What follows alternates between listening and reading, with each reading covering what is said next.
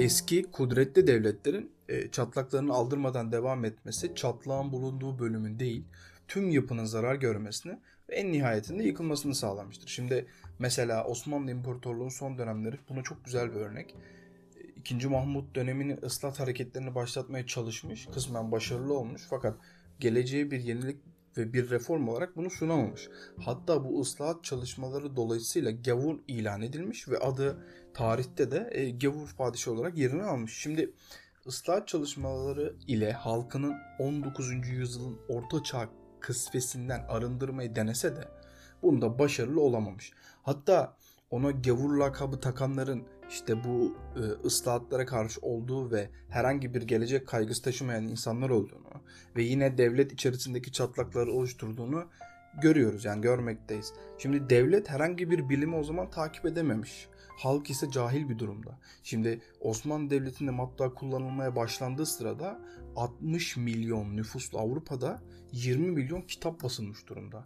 Hatta işte ne Rönesans'ı ne coğrafi keşifleri takip edemeyen bir imparatorluk Avrupa'da 1400'lü yıllarda başlayan matbaa akımına 1700'lü yıllarda sahip olmuş. Şimdi o dönemin kaynaklarına bakıldığı takdirde imparatorluk içindeki Hristiyan bazı kesimlerde matbaanın olduğu görülmüş. Fakat burada asıl mesele neden geç geldiği ve Hristiyan işte bazı kesimlerde olmasına rağmen neden kullanılmadı. Şimdi tabi burada çok fazla afaki söylem var. Yani söylenen pek fazla zırva var. İşte zamanın hattatlarının ve din adamlarının buna karşı çıktığı gibi vesaire. Fakat durum tam olarak bu şekilde değil. Şimdi bir icadın gelişebilmesi için içinde bulunduğu toplumun buna karşılık verebilmesi gerekir. Şimdi e, bu karşılık ek olarak e, bu icadın verimliliğinin ve ekonomik fiz, fizibilitesinin de olması gerekir. Bu karşılığı ek.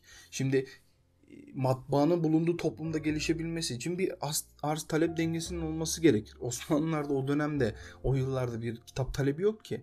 E buna karşı olarak da, da tabii doğal olarak herhangi bir arz konusu da söz, söz konusu değil. Şimdi bu, bu sebeple Osmanlı'nın çöküşüne bakıldığı vakit ülkenin son donanımlı kadrolu olan subay kadrolarının bu geri kalmış halk için verebileceği aslında şeyler pek fazla değil.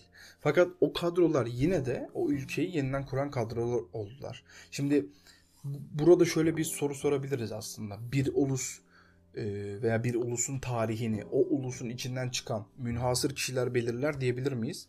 Bence diyebiliriz.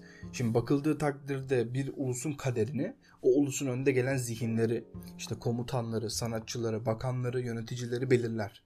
O halde şimdi geriye dönüp baktığımız vakit işte Winston Churchill'in mesela İngiltere'si, işte Mustafa Kemal Atatürk Türkiye'si, Aurelius'un Roma'sı, Fatih Sultan Mehmet'in Osmanlı'sı, Augustus'un Roma'sı, Sokrates'in Atina'sı. Bunların hepsini toplayıp bir kılıfa koyabiliriz. Peki bu ulusların kaç tanesi işte bu kişiler öldükten sonra aynı şekilde devam edebilmişler? İşte burada da aslında uluslar kendilerine şu soruyu sorabilmeli. Yani bir ulusu yetiştirebilmek ne derecede önemli? İdareciler veya işte bir toplumu yönetmeye talip olacak kişiler nihai olarak o ulusun içinden çıkarlar. Bu sebeple bir ulusu yetiştirebilmek, o ulusun geleceğini de güvence altına alabilmek demektir. Bu bence çok önemli bir konu. Hatta işte Carline e, ulus kitlelerini yanacak bir materyal olarak tanımlıyor kitabında. Kahramanların ise o ulus kitlelerini tutuşturacak bir ateş olduğunu belirtiyor.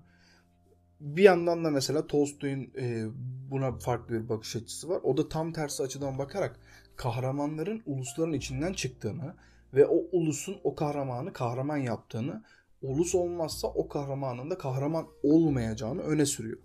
Şimdi aslında bu iki e, katı düşünceye baktığımız takdirde Carlyle ve Tolstoy bu fikirleriyle birbirleriyle çelişmiyorlar. Öne sürdükleri bu fikirler ile birbirlerini tamamlıyorlar. Şimdi bunun için çok güzel bir örnek var yakın tarihimizde. Şimdi gidelim 19 Mayıs 1919 yılı milli mücadelenin başlaması. Ulusun içinden yetişmiş nitelikli bir komutanın yanmaya hazır halde bekleyen halkını nasıl tutuşturduğunu, o komutan olmasaydı o halkın olmayacağını, o halk olmasaydı o komutanın olmayacağını görmek çok da zor değil. Aslında burada e, ulus bazen değişik tepkiler verebilir. Son raddeye kadar işte kılı kıpırdamayabilir. Fakat işte Osmanlı'nın son dönemleri o kadar fakir bir halk var ki yiyecek buğday bile bulamayan bir halk var ve o halk için artık her şey ve her yol mübah. Buradan sonra o halkı yakacak bir kahramana ihtiyacı var. O ülkenin, o ulusun.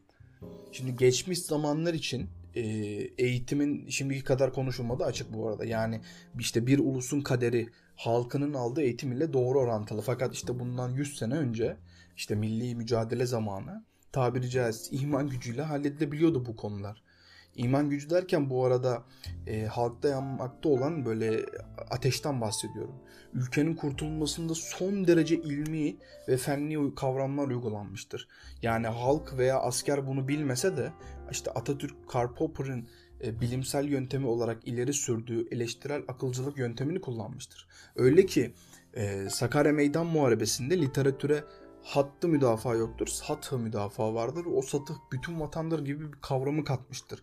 Bu o zamana kadar Sakarya Meydan Muharebesi'ne kadar herhangi bir savaşta uygulanmayan bir literatür, e, literatür kavramı. Şimdi günümüzde ise eğitimin önemi yatsınamayacak seviyelere gelmiş durumda. Bizim ülkemize baktığımız vakit yani bizim eğitim sistemimiz nerede diye biraz baka olursak e, ya her yıl değişen bir eğitim ve sınav sistemi var açıkçası. İşte ben sınava girdiğim zaman YGS, LYS vardı. E, şimdi galiba 3 oturumdan oluşan farklı bir sınav var. İşte ben sınava gireli 5 sene olmuş. Bir kere köklü bir değişiklik olmuş. Benden önce tek oturumlu ÖSS varmış. Ondan önce ÖYS varmış. Ondan önce bilmem ne falan filan. Şimdi sürekli değişen isimler, sürekli değişen yöneticiler fakat bir türlü değişmeyen başarı meselesi var ortada. Mesela işte başlıkta da belirttiğimiz Finlandiya'nın e, eğitim zenginliği takdire şayan. Ne bir bor yatağı var, ne bir bereketli toprağı var. Fakat işte Finliler sizin en büyük zenginliğiniz nedir diye sorduklarında okullar bizim en büyük zenginliğimiz diyorlar. Çocuklar arasında bir yarışma rekabeti yok. Yani bir rekabet yok. Bu çok önemli bir durum. Gelişmiş ülkelere baktığımız vakit bu rekabet sisteminin yavaş yavaş ortadan kalktığını da görmekteyiz e, sistem üstün çocuklara değil daha çok üstün çocuklara erişebilmesi için orta ve alt düzeyde de çocuklara eğilmekte. Şimdi bunu günde 4 saat 5 saat bir eğitim ile başarıyorlar. Fakat geriye kalan saatlerde ise küçüklükten itibaren sanatsal, zihinsel ve bedensel gelişimlerini sürdürüyorlar. Şimdi bizim ülkemize dönelim. E, o yaşlarda o çocuklar e, siyaset konuşmaya başlıyorlar. Bunun en büyük örneği de budur. Yani bir ülkenin veya işte bu ülkenin en büyük özelliği okumaya duydukları derin aşk. Bu aşkın da meyvesi olarak elde ettikleri başarılar ve bir uygarlık seviyesi var. Şimdi Finlandiya'da kişi başına düşen kitap sayısı yılda 57 kitapken bu oran Türkiye'de şaşıracaksınız. Sadece bir. Niye şaşıracaksınız? Ben daha az olmasını beklerdim. Şimdi sağdan soldan bakınca da bir aşağıdan yukarıdan bakınca da bir. Bunu daha önce de dile getirmiştim fakat işte 1647 yani daha e, matbaa Osmanlı'ya uğramamış. İşte o zamanlar evet daha 3 işte 100 100'e yakın bir yıl var. Tam 100 yıl olmasa da Fransa'da kitap okuma oranı 1647'de %27. O sıralarda Türkiye'de yani Osmanlı'da ise sadece binde bir. Yani buradan anlaşılacağı gibi hiçbir şey değişmemiş. Tam tersine işte kitap okumanın bir ulusun gelişiminin temel direği olduğu veya işte ve o ulusun içinden çıkacak kahramanların ya da münhasır kişilerin kendilerini geliştirebilmiş olmaları önemli. Bu önemin anlaşılmamış olması ülkemiz açısından büyük bir husus. Yani işte Finlandiya'da eğitimin asıl amacı bir kişilik yaratmakken bizde tamamen para odaklı bir eğitim var. Şimdi bizde ise e, bize dönelim Finlandiya'dan. Eğitimin bir amacı yok. Yani eğer olacak ise bir rekabet olurdu herhalde. Çünkü kişiliğin oturabilmesi için de kitap oku, okuyabilmek gerekmekte. Bu sebeple bu sayılar işte aşağı yukarı e, bu seviyelerde. Bu arada Türkiye'nin ya, okuma yazma oranı da gerçekten iyi bir seviyede yani %96.2 civarında bir okuma yazma oranı var. Buna Finlandiya'da baktığımızda tabii %100. Fakat yine de 96.2 çok iyi. Ama işte yani okuma yazma oranımız iyi ama peki asıl buradaki sorun ne yani?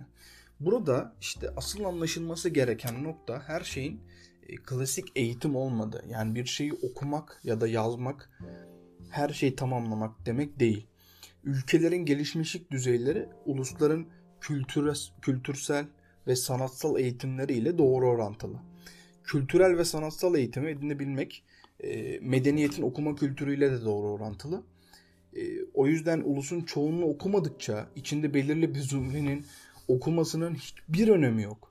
Bu sebeple de Türkiye için de şu an bulunduğu durumda e, başlıkta da belirttiğim gibi siyah zambaklar ülkesi. Bunun en büyük sebebi doğal olarak kitabı okum, kitap okuma alışkanlığı ve bağlantılı bir şekilde eğitimin çok kötü ve değişken olması.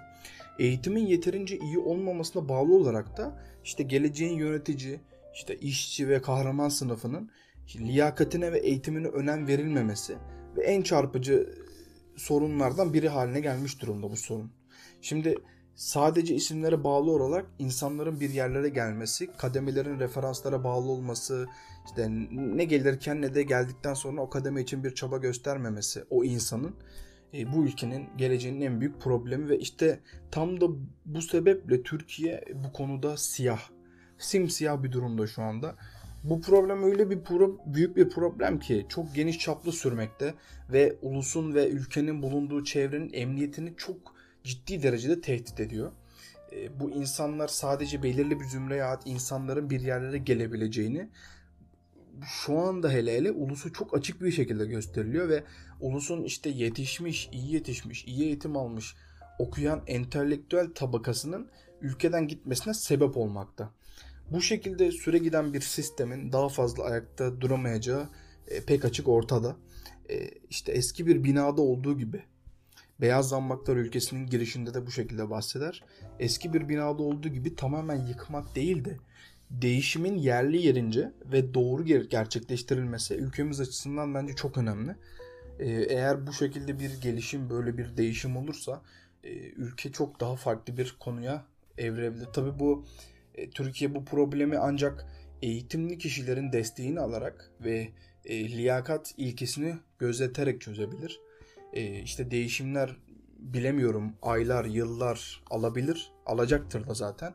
Fakat burada önemli olan gelecek nesillere adalet düzeni yerinde hukukun üstünlüğünün korunduğu, iyi eğitim almış insanların ülkenin yönetici kademelerinde bulunduğu ve bununla beraber e, çok okuyan bir ulus devlet sisteminde işte o zaman bu siyah zambak kavramını e, beyaz zambağa çevirebiliriz.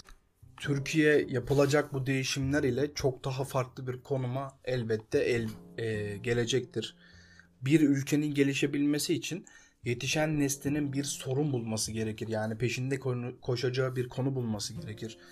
Fakat bu sorun ve konu bulunduğu vakit de ülkenin kademelerinde görev alan liyakat sahibi yöneticiler o nesilde bir heyecan yaratabilirse işte o zaman hem o neslin hem de ulusun tamamı için gelişme kaçınılmaz olacaktır.